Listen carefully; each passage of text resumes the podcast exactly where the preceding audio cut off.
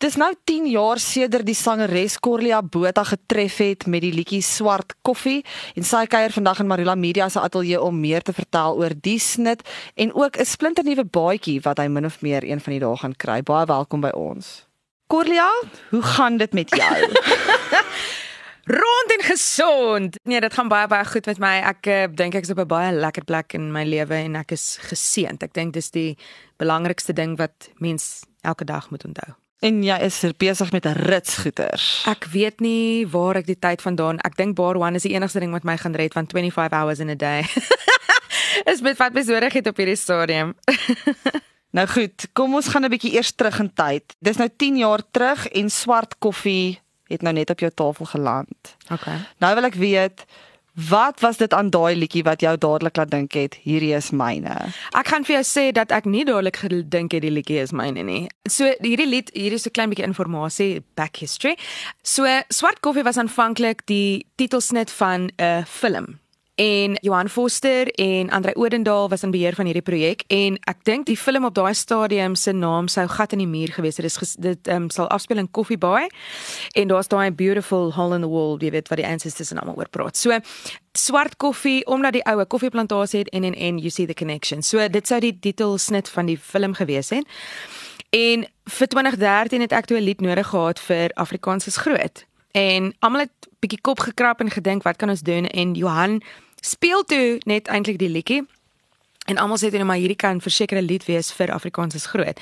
So hy het vir my die demo weergawe gestuur en ek moet vir jou sê toe ek die eerste keer daarna luister was daar net vraagtekens bo my kop. Ek sê wat's hierdie swart koffie besigheid? I mean, ek verstaan dit tussen glad nie. Dis nie I don't get it.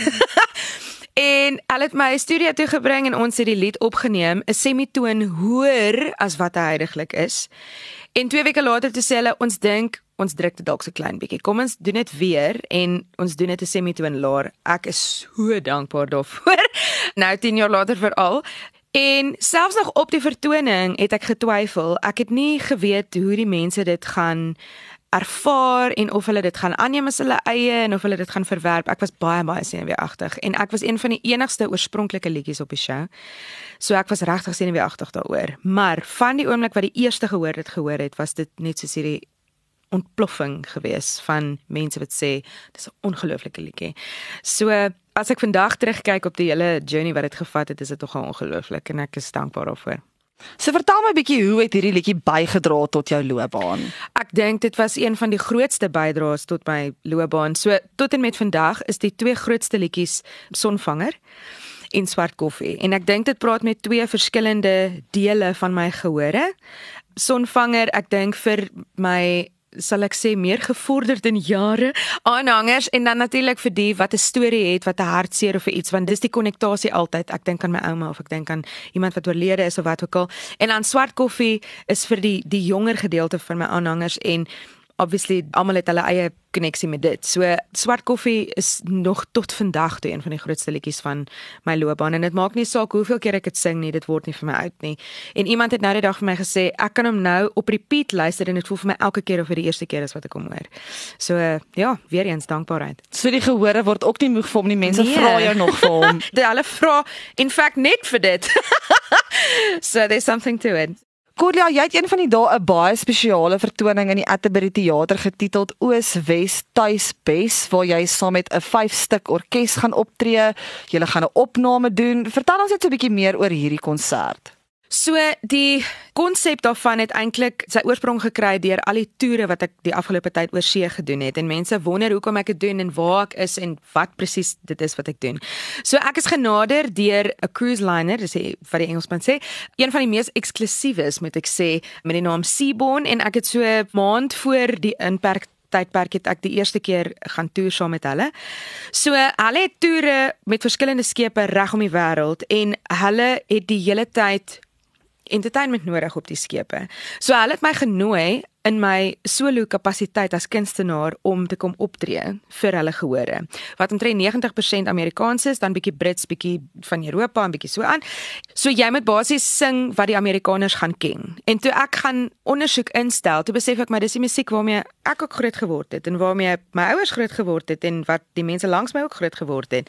So dis vir my ongelooflik lekker om dit te sing omdat dit bietjie anders is as dit wat ek nou al doen vir die laaste 10 jaar in die Afrikaanse industrie. En the challenge my ook so klein bietjie om nie net, jy weet, te gaan stil staan in my eie wêreld nie.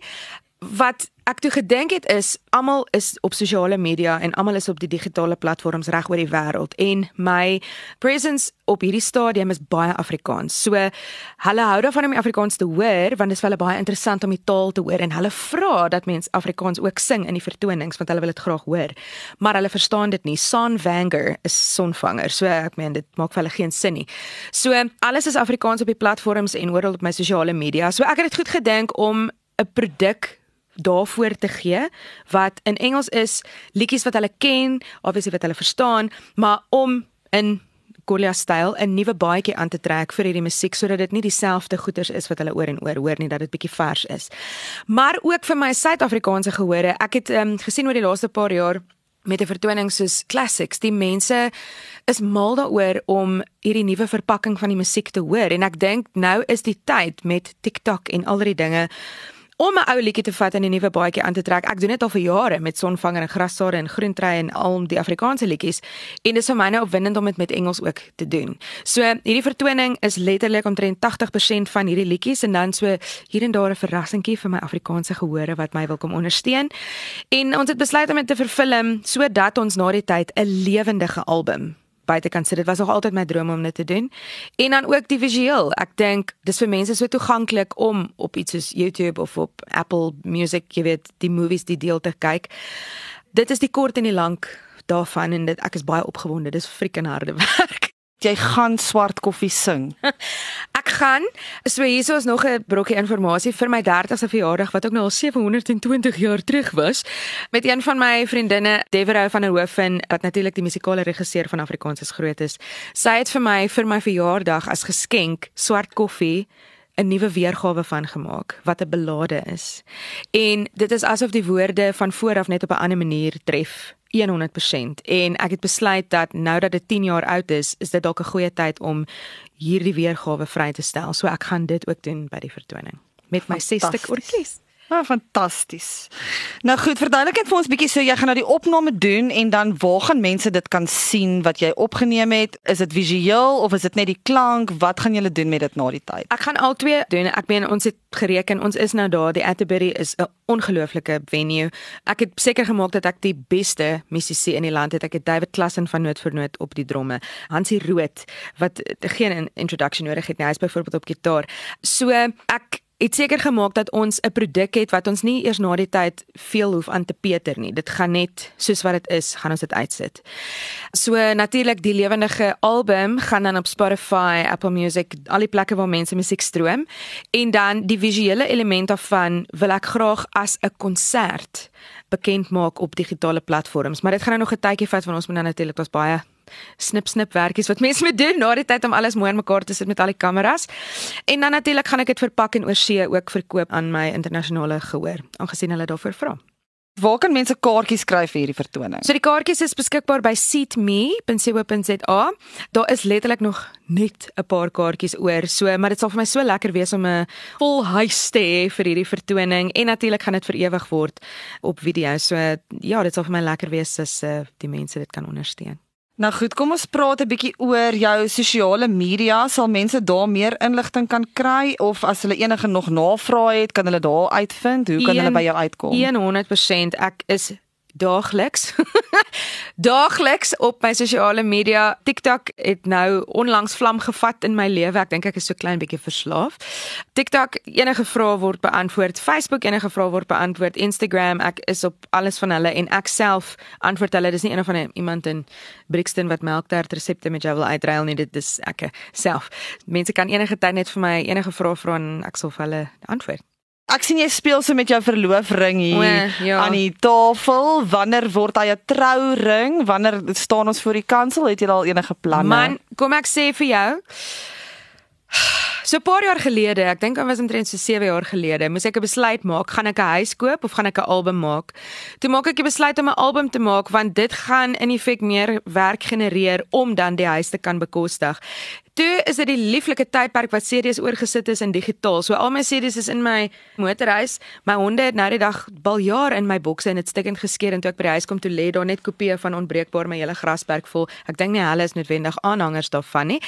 En nou het ek weer die besluit gemaak, gaan ek 'n produk maak wat nog sustainability veral na die inperkingstydperk wie weet kan vorentoe vat of gaan ons troue hou want dis letterlik hoe flippend hier dit is. So ek kan nie glo dat troue so 'n buitensporige bedrag deesdae is nie. En dis actually nogal 'n geselskap wat ek of 'n geselsie wat ek wil hê met my aanhangers en hoor, jy weet wat, hoe het hulle dit gedoen en wat was die roetes wat hulle gevat het. Ek kan nie glo dat mense soos 300 000 minimum vir 'n troue betaal nie. Dis belaglik. Ek weier op hierdie stadium om dit te doen. Ek spandeer my uh, kapitaal op hierdie stadium. Ek en JD het huis gekoop. So ons is besig met opknappings en alles wat dit behels is ook 'n redelike sakkie vol geld.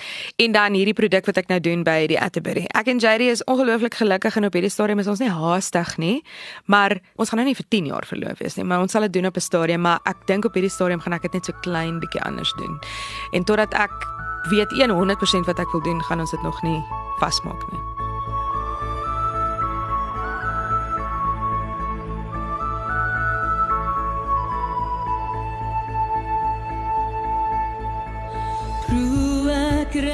Is jy bitter goud. Diep in my hart weet ek jy is 'n fout. Meer van jou ek wil aanhou drink. Sonder jou voel ek hoe ek weer sink.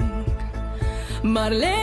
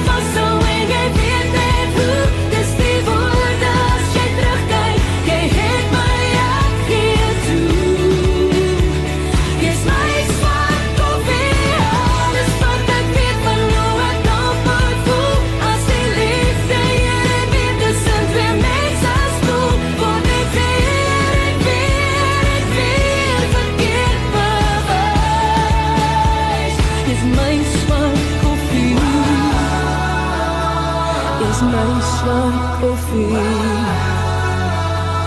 Is my zwart koffie.